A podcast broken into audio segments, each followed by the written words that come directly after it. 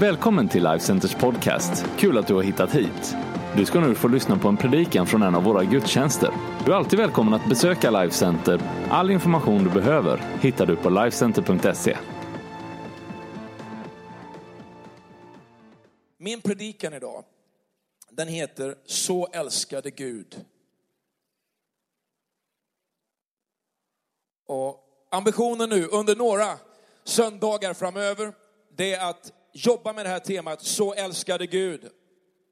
Och att vi ska ledas in i någon form av gemensam eh, kärleksförklaring till de människor som finns runt omkring oss. Men också att vi ska hitta våran del i det här stora fantastiska uppdraget. Och kanske för dig som ännu inte på det sättet skulle karaktärisera dig som en kristen eller en Jesus-lärjunge. Eh, eh att du ska hitta din egen relation med vem Jesus är. Och lära dig mer om vad han vill med ditt liv och vad han har för ambition för dig. Eh, och eh, eh, det är någonting väldigt, väldigt spännande. Den där så älskade Gud världen, det kommer ju ifrån ett bibelsammanhang i Johannes 3 och 16. Johannes evangelium, alltså evangelierna är ju ögonvittnesbeskrivningar av de som vandrade med Jesus. Du hittar dem först i Nya Testamentet, den andra halvan av Bibeln. Eh, Matteus, Markus, Lukas, Johannes evangelium, alltså berättelsen, kärleksbudskapet om vem Jesus är och vad Jesus gjorde. Och i Johannes evangelium eh, kapitel 3 och vers 16 hittar vi det som kallas för lilla bibeln.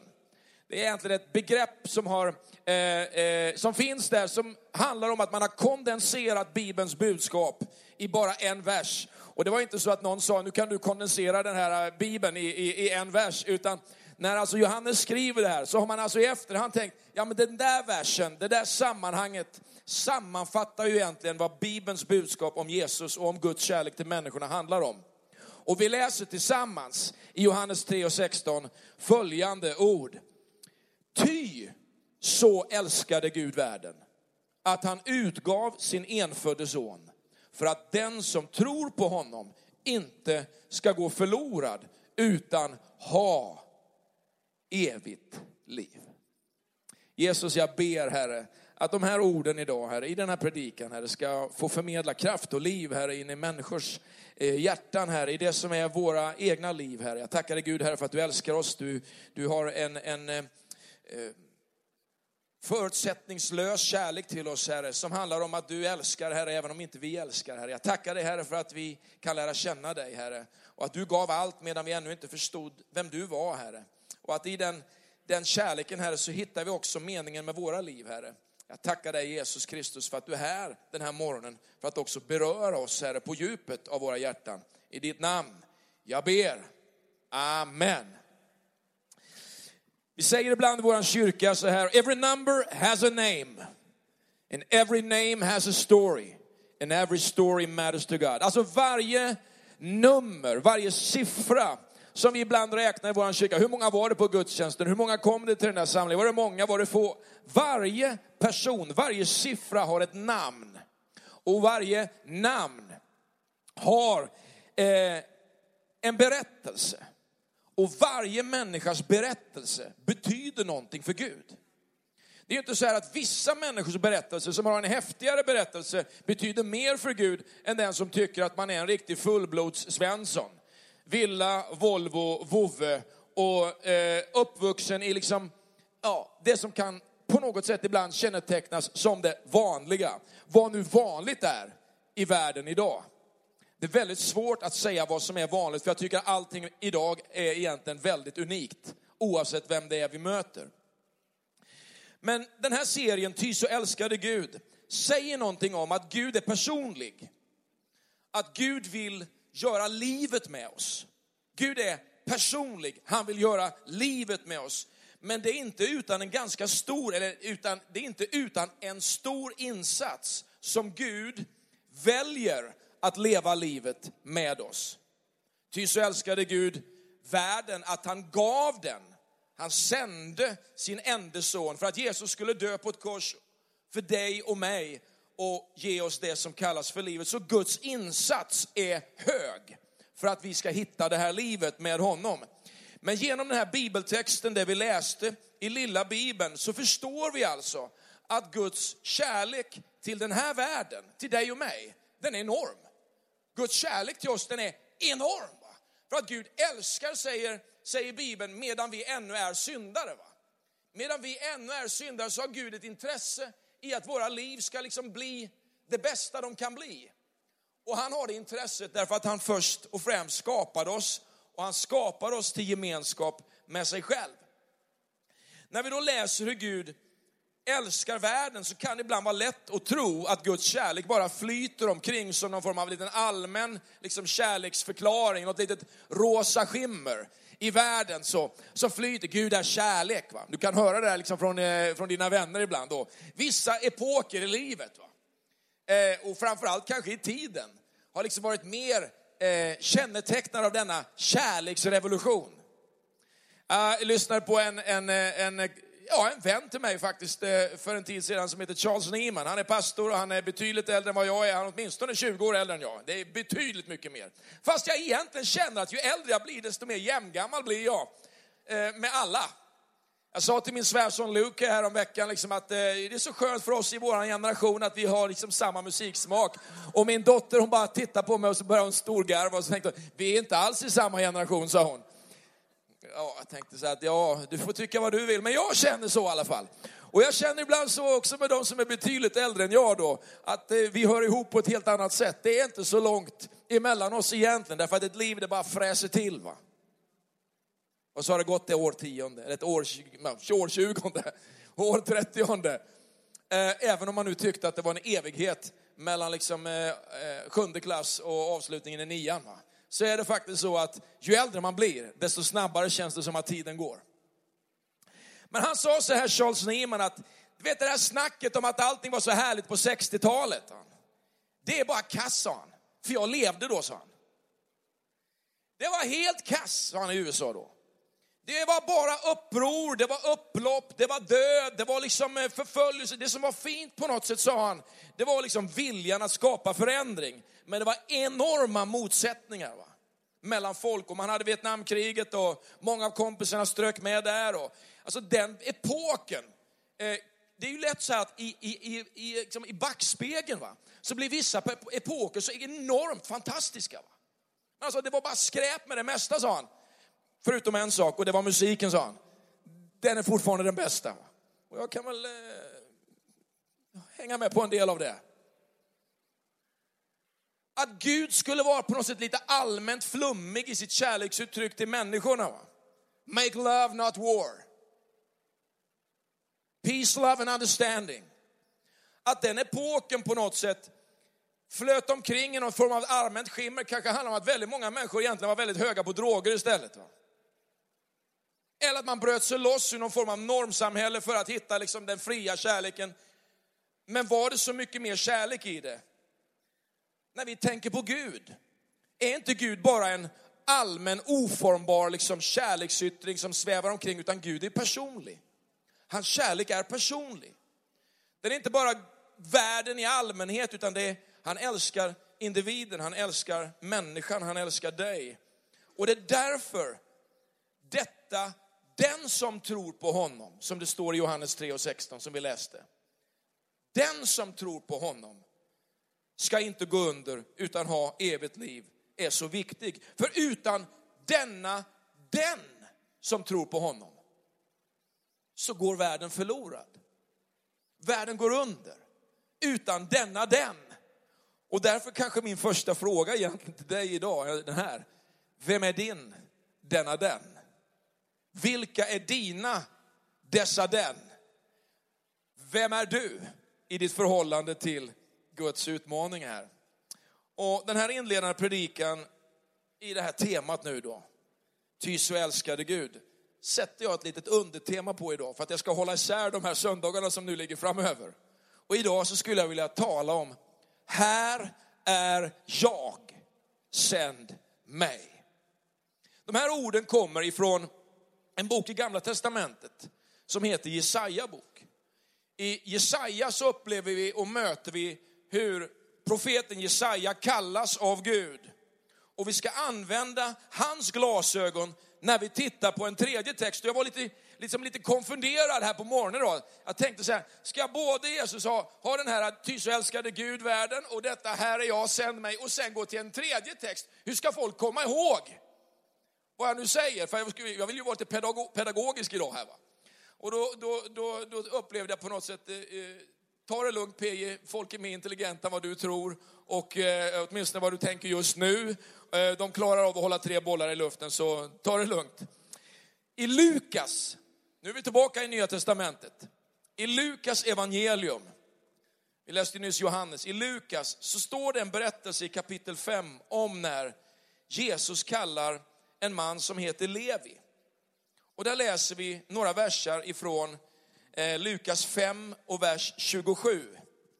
Eh, och där står det så här. När Jesus sedan gick ut såg han en publikan som hette Levi sitta vid tullhuset. Han sa till honom, följ mig. Då lämnade Levi allt och steg upp och följde honom. Sedan ordnade han en så stor fest för Jesus i sitt hem, där en mängd publikaner och andra låg till bords med dem. Fariséerna och deras skriftlärda kritiserade hans lärjungar och frågade, varför äter och dricker ni tillsammans med publikaner och syndare? Publikanerna här, det är de här som är skatteindrivare. De jobbar med att ta in skatt liksom åt det romerska samhället, ungefär som Nomi här på första raden, hon är, jobbar på skattemyndigheten och tar in pengar åt staten. Men de här var, till skillnad från Nomi, inte så omtyckta. Och därför står det så här, Jesus svarade dem, det är inte de friska som behöver läkare, utan de sjuka. Jag har inte kommit för att kalla rättfärdiga till omvändelse, utan syndare. Jag har fyra punkter idag. Den första är den här.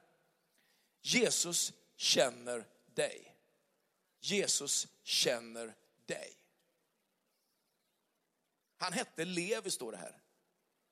Han hette Levi. Det är fantastiskt att veta att Jesus känner mig. Han, han kan mitt namn, han vet vad jag heter. Gud vet vad jag heter. Gud vet, jag vet vad du heter, jag vet var du bor. Jag vill välsigna dina barn. Nu skrev jag om en story här. Men har du någon gång i ditt liv letat i ditt inre efter namn? Jag gör det hela tiden. Och jag, jag jobbar liksom på att försöka lära, lära mig namn. Det värsta som skulle hända var ungefär att adressboken i iPhonen liksom eh, packade ihop totalt. Va? Då, för man kan ju inte ett telefonnummer idag bara för att man kan bara liksom adresslistan. Du vet, eh, han som är kompis med henne som känner den. Och så står man där ibland när man, man ska försöka förklara vem någon är. Du vet han. Han som har eh, eh, jobbat med henne. De bor ju där, du vet. Man bara, men hallå, är det någon som varit med om det där? Är det bara jag, är det, är det, är det liksom min eh, ja, mognad här nu? Vad säger ni, ni som är lite yngre här? Ja men det är han, du vet, hon som känner han. Den där. Det finns en enorm kraft i att känna någons namn, någons namn. Att känna ett namn, känna till ett namn. Du vet ett namn kan öppna stängda dörrar. Nej men det är lugnt vet du, jag känner eh, Kalle vet du, han, eh, han, han jobbar ju här. Ja, ja, ja. vet, han, han har satt mitt namn på listan. Ja, okej, okej. Ja, ja, men det, det är okej. Att känna ett namn. Ja, men, eh, du vet, eh, jag, jag, känner Stefan på lagret, vet du, att eh, det är inga problem. Eh, eh, han sa att jag kunde gå bort och plocka lite där. Ja, men, ja, men han tar hand om räkningen. Jaha. Känna ett namn. Eller komma in på akuten och så ser man plötsligt sin kompis sitta liksom bakom kassan där och säga, men du, eh, jag, det är väldigt akut för mig just nu. Så här får det egentligen inte vara, men eh, det är så. Eller när man blev av med körkortet någon gång och så ringde man liksom kompisen som var polis och så sa han, hur ska jag hantera det här? Och så sa han, ja men nu gör du så här, sa han. Och så eh, var det länge sedan. Så att jag har glömt bort hur en lösning var, för den finns inte idag. Ett namn kan öppna stängda dörrar. Det är ganska nervöst i vårt samhälle idag att jobba lite på det sättet, men eh, eh, det kan öppna stängda dörrar. Ett namn.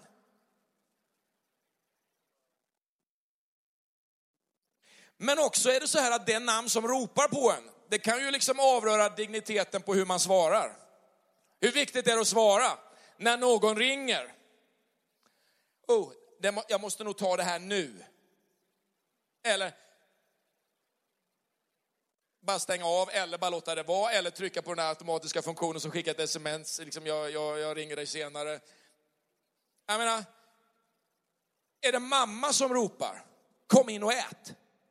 Och man har fem bröder och två systrar, då vet man att nu går man in, för att annars är det ingen mat kvar. Va? Eller hur? Va? Är det frugan som ropar på en så känner man ju ibland att det, beroende på liksom hur rösten är så, så, så är det angeläget. Eller hur Tapio Väljesjö? Jajamän. Alltså digniteten på namnet avgör liksom responsen. Hur är det med chefen? Hur är det med... Men varför är det så här? Jo, jag tror att det är så här därför att ett namn kan också avgöra på något sätt någonting av, av, av, av samhörighetskänslan. Samhörighetskänslan. Jag fick några sms när jag fyllde år och alla var ju liksom jättehärliga. Sådär, grattis, grattis, grattis. Så var det några sms jag fick liksom av, av några speciella personer. Så tänkte jag, men skickar han ett sms? Eller hon ett sms? Det var någon som skickade ett sms mitt i natten klockan två som var på den andra sidan jordklotet. Jag kände bara, men får jag ett sms? Och så kände man plötsligt någon form av samhörighet med människorna som kontaktade en. Ett namn är oerhört viktig Och jag tror att vi alla behöver jobba på våran längtan efter att lära känna nya människor vid namn. Att lära känna människor vid namn. Eh, det stod i den här texten att när Jesus sedan gick ut, när Jesus sedan gick ut. Om man går ut, då kommer man ju någonstans ifrån. Eller hur? Jag gillar också att gå ut. Jag tycker det är jättehärligt att gå ut alltså. I skogen. Gå ut på fest. Gå på lokal. Va? Jag såg de hade skrivit helikopter på Loffe Karlssons eh, eh, kista när han begravdes förra veckan och jag tänkte direkt på en, en eh, fest under en eh, eh, repmånad på Stadshotellet någonstans. Att gå ut. Jesus, han gick ut. Och ibland, är ni här idag? Jesus gick ut. Men Jesus han kom ju någonstans ifrån. Var kommer Jesus ifrån när Jesus går ut? Jo, Jesus han kommer från ett party i kyrkan. Han kommer från en riktig liksom, väckelsegudstjänst i kyrkan. Där han har både liksom hela gänget som bara älskar att höra vad han hade att säga och de som lyssnade på honom som inte alls tyckte om vad han skulle säga. Jesus han kommer från ett sammanhang där han har sagt ungefär så här, vad är, vad är ett större kännetecken på att jag har med Gud att göra än bara mina ord? Och så säger han till en man, stå upp, ta din säng och gå, säger han. Han kommer ifrån en fest i kyrkan där kyrkan är packad med folk. Han kommer från ett väckelsemöte liksom, där det är liksom, alla är bara wow! Det har hållit på jättelänge, det är svettigt, det finns inte en plats, det finns inte ens en ståplats i garderoben, över, på festen, i kyrkan där Jesus har botat en sjuk och där han har berättat om Guds rike. Men den festen tar också slut. Och så står det att Jesus, han gick ut. Och när Jesus går ut så möter han Levi.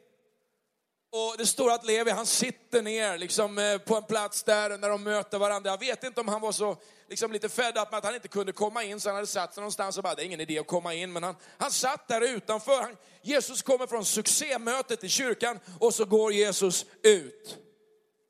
Jesus gick ut. Och det här är en av mina utmaningar till dig idag. När vi ibland kanske lite avvaktande efter en gudstjänst söker oss direkt hem till oss själva och tänker att nu är det över. Lev och Jesus, de handlar i någon typ av konversation och Jesus bjuder honom in i livet själv, att följa honom.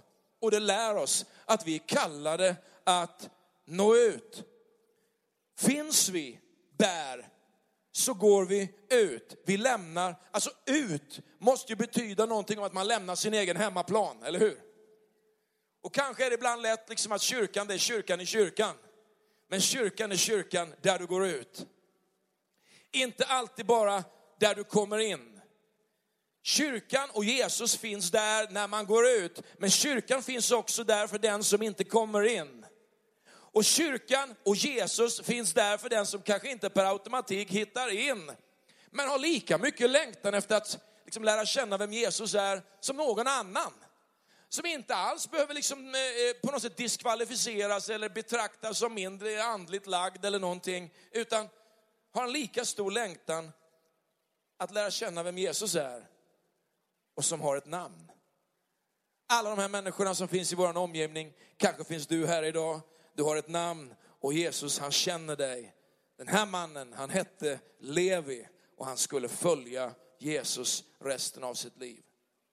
Det andra jag tänker på i den här texten är att han också upplever att Jesus kallar honom. Och det är det andra jag vill lyfta fram för dig. Jesus, han inte bara känner dig, han kallar dig. Han, eh, eh han utmanar dig. Och det står här att Levi lämnade allt och följde Jesus.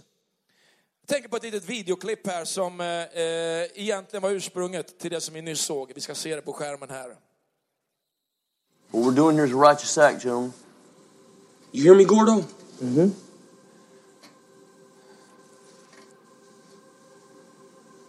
You know, there's Bible verse I think about sometimes. Many times. It goes, Then I heard the voice of the Lord saying, Whom shall I send? And who will go for us?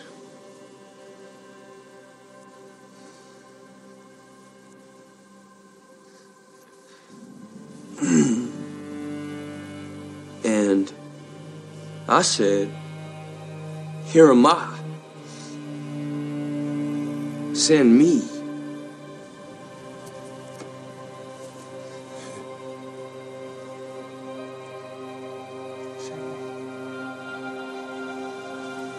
Book of Isaiah chapter 6. En, eh, ett klipp ifrån eh, en film som heter Fury. Eh, jag vet inte hur väl du kan historien om, eh, om andra världskriget och så vidare, men eh, det här måste vara någonstans eh, på våren 1945 därför att eh, man är i Tyskland, man strider mot det som är resterna av naziregimen. Ganska aktuellt i vår tid. Och man sitter i en sönder,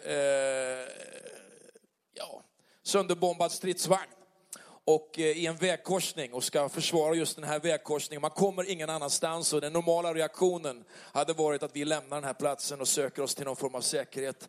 Men det här liksom, eh, stridsvagnsbesättningen här, de har placerat sig i den här korsningen därför att de ska göra skillnad. Och de stannar kvar till sista man.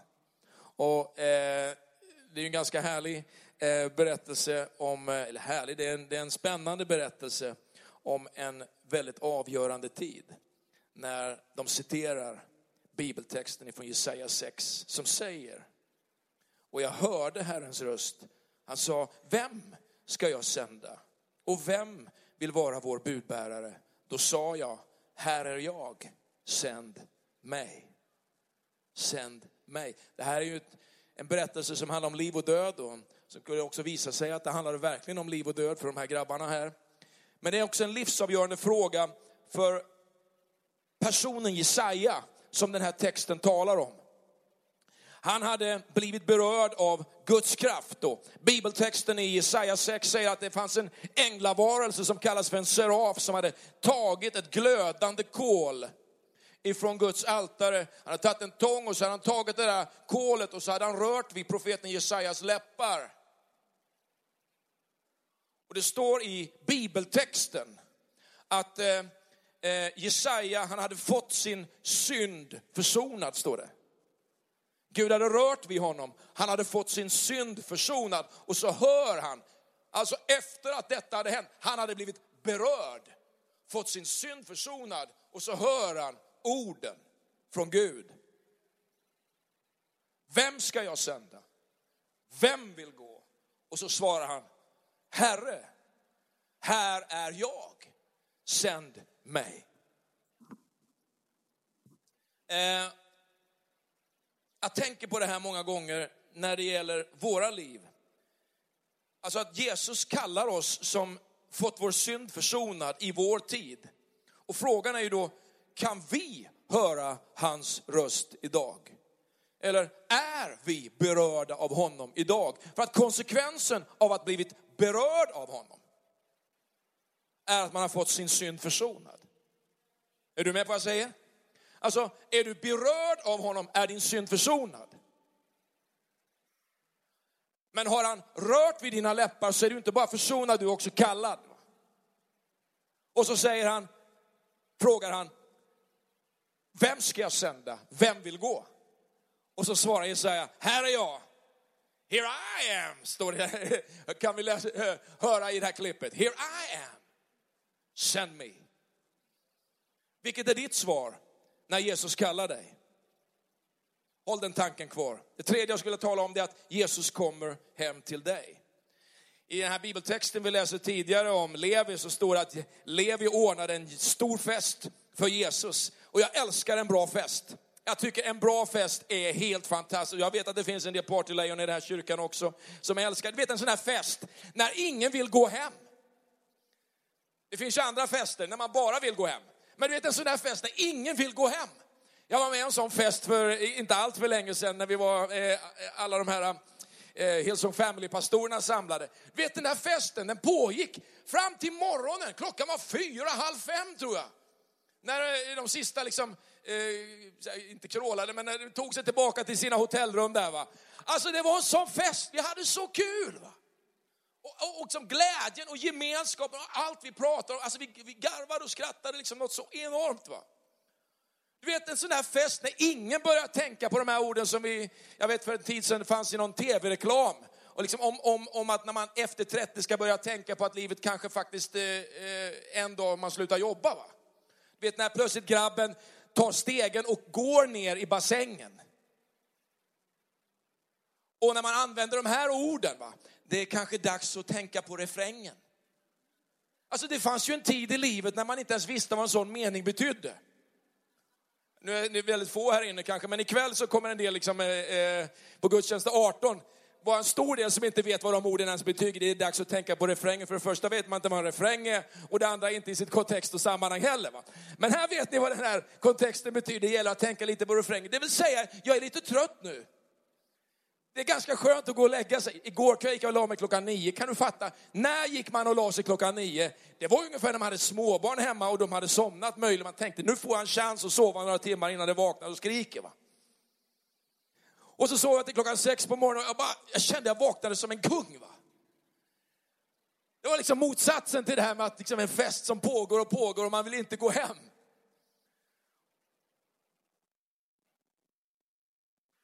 Det finns en enorm glädje i att tjäna Gud. Det finns en sån våldsam glädje att tjäna Gud. Vet en sån där glädje, vet när man går, när man går till sitt jobb eller går hit, till, jag jobbar ju här i kyrkan. Jag, jag, jag går verkligen inte hit till mitt jobb och känner att jag går till mitt jobb. Jag har aldrig känt att jag har ett jobb här. Kan du fatta hur det känns? Jag går till mitt jobb här, men jag känner inte att det är ett jobb. Det här är mitt liv. Och du vet, den där festen på något sätt med mina kompisar och mina vänner som gör liksom att jag inte känner att nu måste jag gå hem för att jag är trött, utan jag, jag vill bara hänga här. Jag vill bara vara här. Jag vill bara vara med mina vänner. Det är ett sånt här ögonblick vet du, med Levi här, när han bjuder hem Jesus i tacksamhet bara att han får vara med honom. Och naturligtvis så talar den här bibeltexten om ett enormt gränsöverskridande. Där i hemmet hos Levi finns människor som ingen annan i den religiösa eliten trodde överhuvudtaget att Jesus ville hänga med. Och då är utmaningen in i våra liv, den här morgonen, den här engagerade morgonen. Hur länge sedan är det du hade en fest som var fylld av människor som ingen annan tror är välkommen in i Guds rike. Jag blev så glad när jag hörde häromdagen om hur man har i, i, i ehm, det var faktiskt Joyce som predikade här förra söndagen. Hon berättade att de hade bytt namn på sina connect-grupper. Nu ska inte vi göra det, så ta det lugnt. Men hon berättade att de hade bytt namn på sina connect-grupper och kallar dem bara för dinner parties. Och plötsligt så blev det bara en bild för hela kyrkan att vi inte är här bara för oss själva. Va? Vi sitter inte bara här för att vi ska gå djupare liksom i Gud, utan vi sitter här därför att vi kallar in ett uppdrag. Om den här staden ska bli frälst eller om Västerås ska bli förvandlad, så har vi ett uppdrag att se till att människor upplever vem Jesus är. Och vad är det mest naturliga än att käka middag tillsammans? och plötsligt i gemenskapen tala om den Jesus som man upplever och den man känner. Det finns tusen olika sätt, men sanningen är den här att det finns en glädje att känna Gud och att dela honom med andra människor. Den här liksom, eh, ja, texten egentligen, den utmanar mig till några olika frågor. Är man alltid sist kvar för att det är så kul? Eller är man alltid den som går först hem? Har man alltid mest bråttom hem? Inte bara en gång, eller inte bara för att det är den viktigaste jobbveckan någonsin, eller för att barnen är sjuka, men varje gång. Då kanske man behöver ta sig en funderare på djupet i det möte man haft med den uppståndne. Är du med på vad jag säger? Eller om man alltid kanske är den som är kvar till sista stunden så kanske man kan låta någon annan vara kvar till sista stunden någon gång också. Men finns det någon efterfest kvar i smaken efter mig? Hur smakar efterfesten i PJs liv? I mötet med människor som behöver Jesus. Finns det ett party runt omkring PJ i mötet med andra omkring det som världen verkligen behöver? Det är en ganska angelägen fråga. Amen. Det var inne i ett, ett, två, tre punkter här, så jag tänkte att vi skulle då avsluta med att Jesus inte bara kommer hem till oss, kallar oss eller känner oss, utan det sista K blir ett C. Jesus ger dig ett K, han ger dig ett syfte.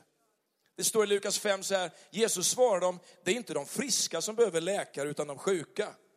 Jag är inte kommit för att kalla rättfärdiga till omvändelse utan syndare.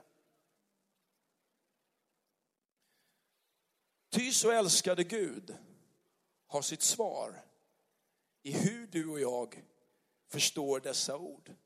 Det är inte de sjuka som behöver läkare. Eller de friska som behöver läkare, utan de sjuka. Han har inte kommit för att kalla rättfärdiga till omvändelse utan syndare.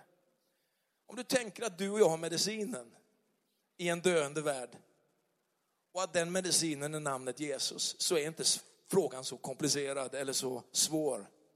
Nästa söndag ska vi fokusera lite mer på hur vi konkretiserar det där att ty så älskade Gud. Och min utmaning till dig är att det ska finnas ett namn där, eller några namn där, som vi ska jobba lite med under den här hösten. Men jag är övertygad om att Guds kärlek till den här världen är den samma kärlek som brinner i dig och mig. Jag ska be teamet att ni kommer upp på scenen här. Tack Jesus. Var det bra eller? Ska vi göra så att vi ställer oss upp allesammans. Herre, jag ber Herre, för det liv Herre som vi har tillsammans med dig Jesus. Jag tackar dig Gud Herre, för att du är en levande frälsare som älskar oss Gud Herre. För att din plan med oss den är alltid sann och god Herre. Den är alltid fylld av kraft Herre. Jag tackar dig Herre för att din kärlek till oss den är alltid en utgivande kärlek som som inkluderar oss också, Herre, i det som är din värld. Jag tackar dig Gud, Herre, för att de ord, Herre, som du har kallat människor med genom århundraden och årtusenden tillbaka, Herre, är ord som du också kallar oss med idag, Herre. Far, jag ber, Herre, för varje man och kvinna som finns i den här samlingen, den här morgonen i kyrkan, Gud. Jag tackar dig, Herre, för att du också inbjuder oss, Herre, och sänder oss ut, Herre, i den här världen, Herre, för att öppna våra hjärtan, Herre, för det som är en, en värld som behöver dig mer än någon annan.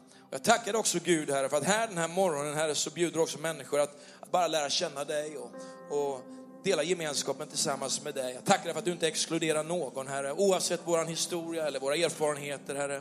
Så tackar dig Gud, Herre, för att du en sån här morgon, Herre, i kyrkan, Herre, verkligen välkomnar människor att lära känna vem du är, Gud. Jag tackar dig Herre för din kallelse att följa dig, att tjäna dig Gud. Herre, det är någonting som inte vi kommer undan Herre. Herre, vi kan fly ifrån den, vi kan försöka gömma oss för den Gud. Herre, men du älskar oss så mycket Herre, att du också fortsätter att utmana oss att göra skillnad i den här världen. Herre, jag ber för den Herre som den här morgonen Herre behöver uppleva kraft Herre, att ta ditt uppdrag på allvar Gud. Herre, jag ber för den som den här morgonen Herre behöver tända en låga på nytt Herre i sina hjärtan Herre, över det som handlar om det du har gett oss Herre, som gåva Herre. Att vi får förmedla det Herre till en värld som behöver dig mer än någonting annat Gud. Herre, väck oss upp ur våran dvala Herre, ur våran sömn Gud Herre. Och låt oss se din kärlek och dina möjligheter varje dag Herre. Att du inte förkastar någon Herre, att du inte visar bort någon människa, utan du bjuder in oss Herre, att leva livet tillsammans med dig. I Jesu välsignade